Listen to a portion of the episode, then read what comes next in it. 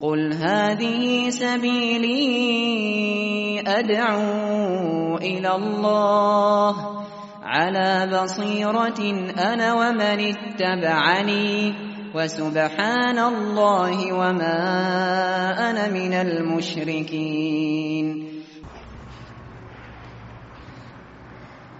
إن الحمد لله نحمده ونستعينه ونستغفره ونعوذ بالله من شرور أنفسنا ومن سيئة أعمالنا من يهده الله فلا مضل له ومن يضلله فلا هادي له وأشهد أن لا إله إلا الله وحده لا شريك له وأشهد أن محمدا عبده ورسوله. اللهم صل على نبينا محمد وعلى آله ومن تبعهم بإحسان إلى يوم الدين.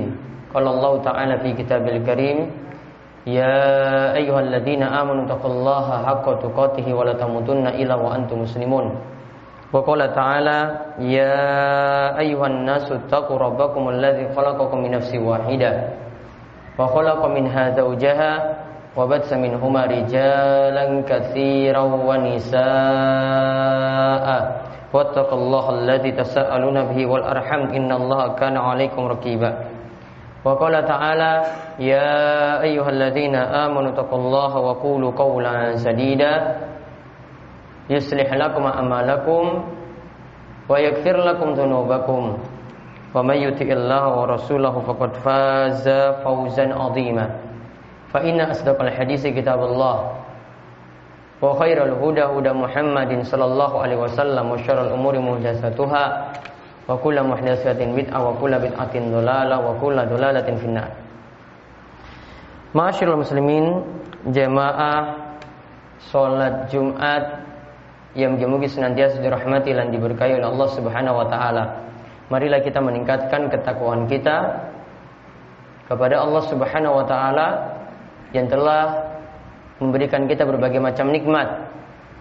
Ada tiga nikmat pokok sebagaimana disebutkan oleh Wahab bin Munabbih yaitu nikmat Islam, nikmat kesehatan dan nikmat kecukupan. Dan juga kata Nabi SAW, Man asbaha minkum aminan fi sirbihi mu'afan fi jasadihi indahu kutu yaumihi Faka'anna majizat lahu dunya Siapa yang sejak pagi hari Telah mendapatkan rasa aman di rumahnya Dan telah diberikan sehat, kesehatan badan dan pada hari itu juga dia memiliki makanan di rumahnya.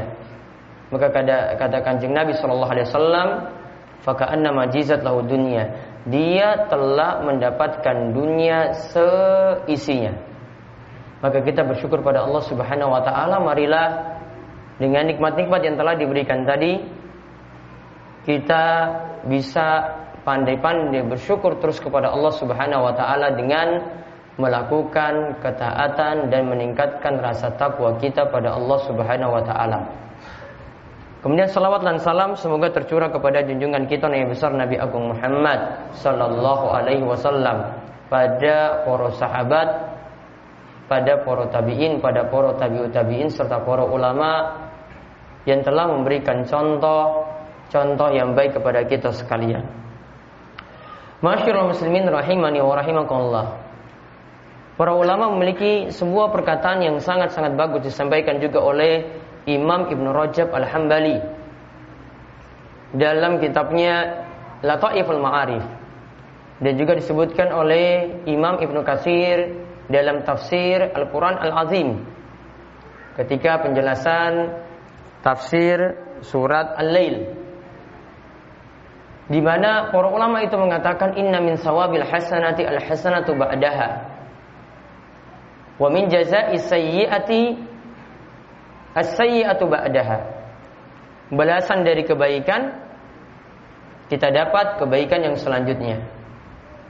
Sedangkan balasan dari kejelekan suatu dosa akan diikuti dengan dosa selanjutnya, akan diikuti dengan kejelekan selanjutnya. Maka para jamaah, para ulama memberikan perkataan yang sangat bagus dengan didukung dengan dalil-dalil yang begitu banyak. Kalau kita ingin tahu apa yang kita lakukan itu baik, maka pasti akan dilanjutkan dengan kebaikan selanjutnya. Maka cobalah perhatikan apa yang telah kita lewati selama sesasi penuh di bulan Ramadan dengan kita menjalankan ibadah siam, ibadah puasa sebulan penuh. Yang kita dapati di bulan Ramadan kita sibuk dengan berbagai macam ibadah. Kita sibuk dengan sholat, kita juga gemar untuk membaca Quran di samping dengan kita menjalankan ibadah puasa. Maka kalau kita memakai kaidah tadi, inna min jazai inna min sawabil hasanati al hasanatu ba'daha kalau amalan itu baik, maka akan diikuti dengan kebaikan yang selanjutnya. Maka berarti kalau amalan di bulan Ramadan yang telah kita lewati itu baik, maka pasti akan diikuti juga dengan kebaikan-kebaikan selanjutnya setelah itu. Maka kita mohon kepada Allah Subhanahu wa taala, mugi-mugi amalan kita diterima, segala amal baik kita diterima di bulan Ramadan segala bentuk puasa yang kita lakukan lillahi taala karena Allah Subhanahu wa taala benar-benar diterima diridhoi oleh Allah Subhanahu wa taala dengan amalan solat kita, solat malam kita, dengan amalan kita membaca Al-Qur'an bahkan sampai menghatamkannya. Mudah-mudahan semuanya diterima dan membuahkan kebaikan setelah itu. Kaum muslimin yang semoga selalu dirahmati oleh Allah Subhanahu wa taala. Namun ada beberapa kenyataan yang tidak bisa dipungkiri ini terjadi nantinya setelah Ramadan. Ada tujuh kenyataan yang bisa terjadi setelah Ramadan yang menunjukkan bagaimanakah keadaan sebagian kita nantinya setelah Ramadan. Kenyataan yang pertama akan ditemukan keadaan sebagian orang malas lagi untuk menjalankan sholat. Apalagi kaitannya dengan sholat subuh atau sholat fajar. Karena ketika di bulan puasa kita punya kebiasaan untuk makan sahur.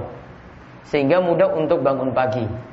Sehingga mudah untuk bangun lebih awal. Namun ketika kebiasaan makan sahur itu hilang, maka sholat subuh jadi kebablasan.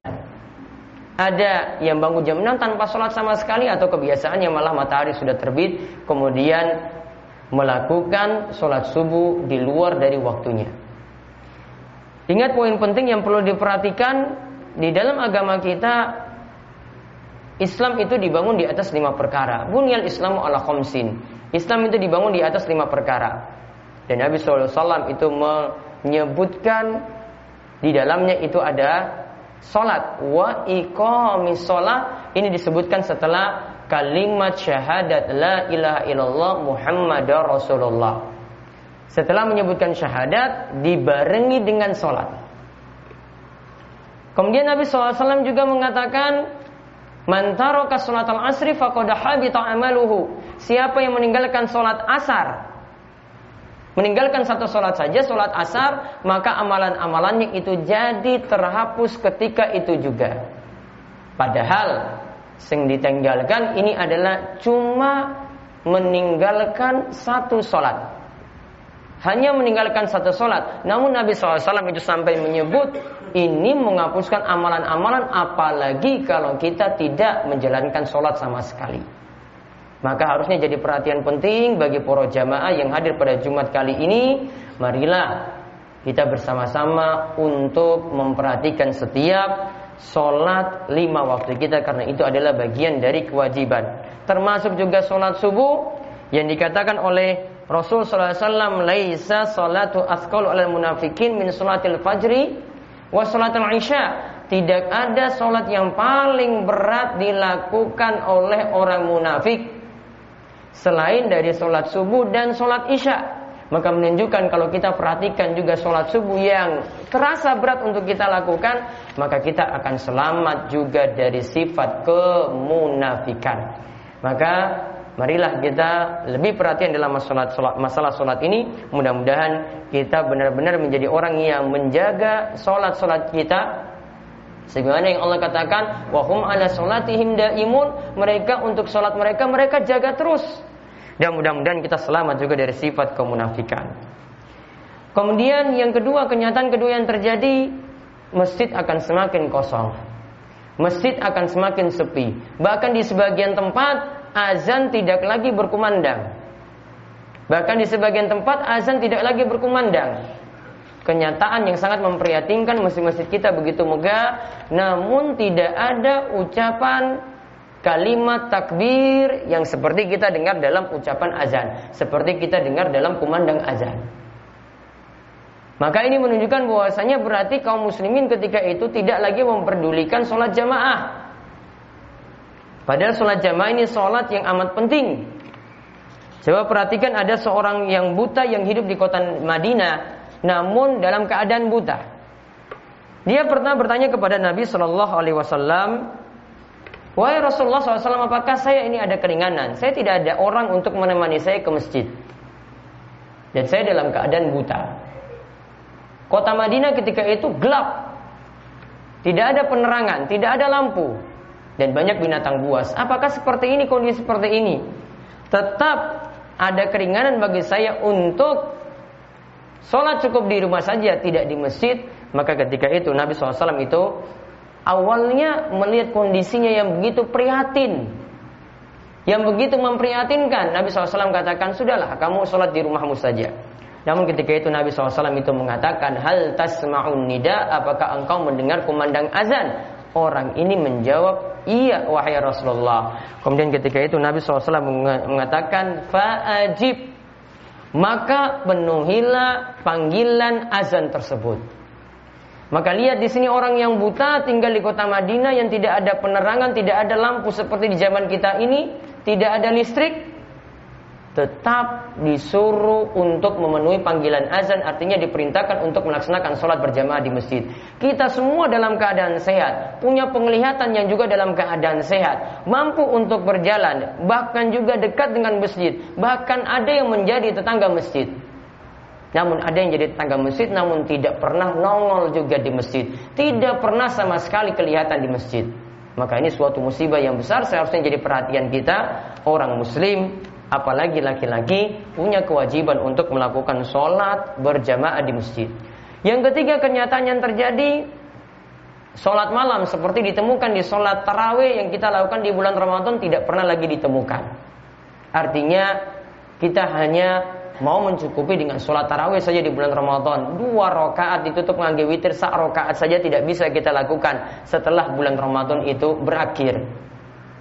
Maka ingatlah Nabi SAW itu pernah melihat ada seorang yang sampai bangunnya itu baru subuh atau bangunnya itu di pagi hari. Dia tidak sholat malam. Ketika itu Nabi SAW katakan tentang orang tersebut, Zalika syaitan bala fi udhunai orang ini di telinganya itu sudah dikuncingi, dikencingi setan. Di telinga orang ini itu sudah dikencingi setan. Ini tidak sholat malam, dia bablas sampai masuk subuh baru dia melaksanakan sholat subuh. Nabi Shallallahu Alaihi Wasallam sudah menyebut semacam itu. Apalagi orang yang tidak melaksanakan sholat subuh sama sekali. Ini cuma tidak sholat malam saja hukumnya sunnah. Nabi, namun Nabi SAW itu mengatakan, Zalika syaitanu bala fi Orang ini telah dikencingi setan di telinganya. Walhamdulillah kencingnya setan itu tidak kelihatan. Coba kalau ada seorang bocah kencingi telinga kita, kita pada marah. Allah tidak mewujudkan membuat wujud bagaimana kebentuk kencingnya setan tadi. Karena setan adalah makhluk gaib, maka kencingnya juga dibuat seperti tidak kelihatan. Namun Nabi SAW menyebutkan seperti itu tanda suatu celaan bagi orang yang tidak mengerjakan sholat malam. Maka ada orang yang dulu mengerjakan sholat malam, namun dia itu meninggalkannya. Nabi SAW itu mengatakan, Ya Abdullah la takun misla fulan, karena yakumul layla summa tarokahu. Wahai Abdullah, wahai amba Allah, janganlah engkau seperti si fulan. Dulu Masya Allah dia itu rajin sholat malam, namun kemudian dia itu meninggalkannya. Cuma gara-gara tidak sholat malam saja orang ini malah dicela oleh Nabi Shallallahu Alaihi Wasallam. Ini bukan sholat subuh, cuma tidak melaksanakan sholat malam, sholat tahajud. Maka sudah menjadi perhatian seorang muslim kalau dia gemar untuk melaksanakan sholat taraweh, sholat malam di waktu-waktu sebelumnya, maka dia terus mempertahankannya setelah itu. Kemudian yang keempat, kenyataan lagi yang keempat yang terjadi kita cuma mau mencukupkan dengan puasa wajib saja di bulan Ramadan. Setelah bulan Ramadan itu berakhir, puasa-puasa sunnah enggan untuk dilakukan. Di bulan Syawal ini kita akan menemukan dengan puasa Syawal. Kita akan bertemu dengan puasa Syawal sebanyak enam hari. Kapan pun boleh dilakukan, yang penting di bulan Syawal. Orang mesti langsung bar Ramadan.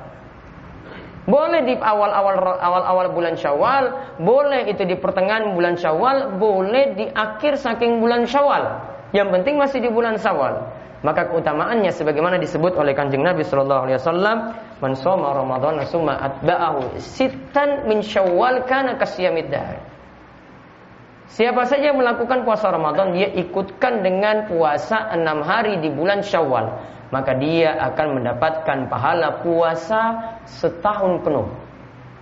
Karena puasa di bulan Ramadan itu 30 hari. Ya, maksimal 30 hari ditambah dengan 6 hari tadi berarti 36. Sedangkan yang namanya kebaikan itu dibalas menjadi 10 kali lipat. Setiap kebaikan itu dibalas jadi 10 berarti 36 ping 10 jadi 360. Maka berarti berlipat sama 360 ini sama dengan jumlah hari dalam setahun. Jumlah hari dalam setahun itu 360. Maka ini menunjukkan keutamaan yang besar. Jangan kita merasa cukup juga dengan ibadah wajib puasa Ramadan saja. Harusnya kita sempurnakan lagi dengan puasa sunnah. Di antaranya puasa syawal tadi. Sebisa mungkin kita lakukan. Apalagi kalau laki-laki tidak mendapati datang bulan. Maka dia lebih dimotivasi lagi untuk melakukan puasa Syawal tadi. Demikian khutbah pertama kali ini mudah-mudahan manfaat. Aku qouli hadza wa astaghfirullah li wa lakum wa lisairil muslimin innahu huwas samiul alim.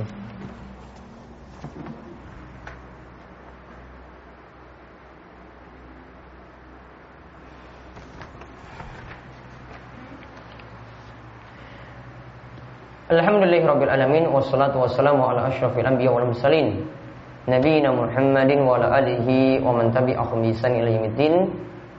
Kaum muslimin yang semoga selalu dirahmati dan diberkahi oleh Allah Subhanahu wa taala. Tadi sampai pada kenyataan keempat. Kenyataan yang kelima, kalau di bulan Ramadan kita gemar membaca Al-Quran, bahkan ada yang sampai mengatakan Al-Quran. Selepas Ramadan, Al-Quran jadi ditinggalkan. Bahkan cuma jadi panjangan di rumah. Bahkan nanti dibuka lagi nanti setelah setahun lagi ketika berjumpa lagi dengan bulan Ramadan. Tidak mau untuk dikaji, tidak mau untuk dibaca, tidak mau untuk dipelajari, tidak mau dibaca terjemahannya, tidak mau juga untuk diajarkan pada yang lainnya atau sekedar membaca kitab-kitab tafsir yang ada yang dijelaskan oleh para ulama. Padahal Allah Subhanahu wa taala itu katakan, "Wa qala ya Rabbi inna qaumi ittakhadhu hadzal Qur'ana mahjura." Wahai Rabbku kata Nabi sallallahu alaihi wasallam, benar-benar kaumku itu umatku itu meninggalkan menjadikan Al-Qur'an itu sebagai sesuatu yang diacuhkan, tidak lagi dipedulikan. Ini disebutkan dalam surat Al-Furqan ayat 30. Artinya tadi enggan untuk dibaca sepisan saja dalam sehari. Apalagi kalau sampai tidak melaksanakan sholat sama sekali, jelas tidak baca Al-Quran. Juga tidak mau yang belum bisa Quran tidak mau lagi belajar bagaimana biar bisa membaca Al-Quran juga termasuk di sini tidak mau mengkaji apa yang dijelaskan oleh para ulama untuk merenungkan ayat-ayat Al-Quran yang kita miliki. Padahal Al-Quran itu butuh dikaji sehingga butuh kita itu untuk mengamalkannya. Mudah bagi kita untuk mengamalkan, mengamalkannya kalau kita kaji dengan benar. Kemudian yang keenam, kenyataan yang terjadi lagi adalah lisan kita, mata kita, pendengaran kita tidak bisa kita lagi jaga selepas dari bulan Ramadan. Bulan Ramadan mungkin kita bisa menjaga lisan kita, omongan dijaga mata kita dijaga, pendengaran kita dijaga. Begitu juga yang ketujuh, kenyataan lagi yang terjadi, maksiat kembali berulang. Yang terbiasa nggak sholat, diulangi lagi setelah Ramadan, kebiasaannya lagi tidak sholat. Yang kebiasaannya minum, di sebelum Ramadan, setelah Ramadan kembali lagi minum. Yang sebelum Ramadan dia tidak pasang nomor, tidak main judi, maka kembali lagi setelah Ramadan dia kembali mengulangi maksiat yang ada. Padahal ingat kita semua nanti akan dimintai pertanggungjawaban. Allah katakan inna sam'a wal basara wal fuada kullu ulaika kana anhu mas'ula. Disebutkan dalam surat Isra ayat 36, ingatlah yang namanya pendengaran, penglihatan, yang namanya hati. Semuanya itu akan ditanyakan oleh Allah Subhanahu wa taala, dimintai pertanggungjawaban. Maka kalau kita tahu kenyataannya seperti itu, jauhilah kenyataan yang ada, kita jadi lebih baik selepas Ramadan. Tanda Ramadan kita itu sukses cuma satu tanda. Yaitu kalau mau tahu Ramadan kita itu diterima, puasa kita diterima, sholat-sholat kita di bulan Ramadan diterima, jadilah lebih baik selepas Ramadan. Itu tanda diterimanya amalan. Namun kalau jadinya itu malah berkurang atau jadinya lebih jelek, Bulan Ramadan rajin sholat setelah Ramadan enggak lagi. Maka tanda bulan Ramadannya itu tidak mengalami kesuksesan. Marilah kita memperbaiki diri dan mudah-mudahan Allah subhanahu wa ta'ala Membimbing kita, memberi taufik pada kita Untuk menjadi lebih baik sebab ada Ramadan dan di akhir khutbah ini kami ingatkan untuk memperbanyak salawat kepada Nabi SAW. Siapa yang bersalawat kepada beliau sekali, maka Allah akan mem, uh, mem, uh, bersalawat kepadanya sebanyak 10 kali. Inna Allah malaikatahu yusalluna ala nabi. Ya ayuhalladzina amanu sallu alaihi wa sallimu taslima. Allahumma salli ala Muhammad wa ala ali Muhammad kama sallaita ala Ibrahim wa ala ali Ibrahim innaka Hamidun Majid. Marilah kita panjatkan doa pada Allah. Mungkin-mungkin di hari Jumat penuh berkah ini kita diperkenankan doa-doa kita. Allahumma firli muslimina wal muslimat wal mu'minina wal mu'minat al ahya'i minhum wal amwat innaka sami'un qaribun mujibud da'wat. Allahumma alif baina qulubina wa aslih dhata bainina wahdina subulas salam wa najina minadh dhulumati ila nur wa jannibna al fawahisha ma dhahara minha wa ma batan wa barik lana fi asma'ina wa absarina wa qulubina wa aswajina wa zurriyyatina wa tub alaina innaka antat tawwabur rahim waj'alna syakirina li ni'amika musnina bi 'alaika qabilina laha wa atimmaha alaina Allahumma taqabbal a'malana fi Ramadan Allahumma taqabbal a'malana fi Ramadan Allahumma taqabbal a'malana fi Ramadan Rabbana hab lana min azwajina wa dhurriyyatina qurrata a'yun waj'alna lil muttaqina imama Rabbana atina fid dunya hasanah wa fil akhirati hasanah wa qina adzabannar wa sallallahu ala nabiyyina Muhammadin wa man tabi'ahum bi ihsan ila yaumiddin akhiru da'wana anil hamdulillahi rabbil alamin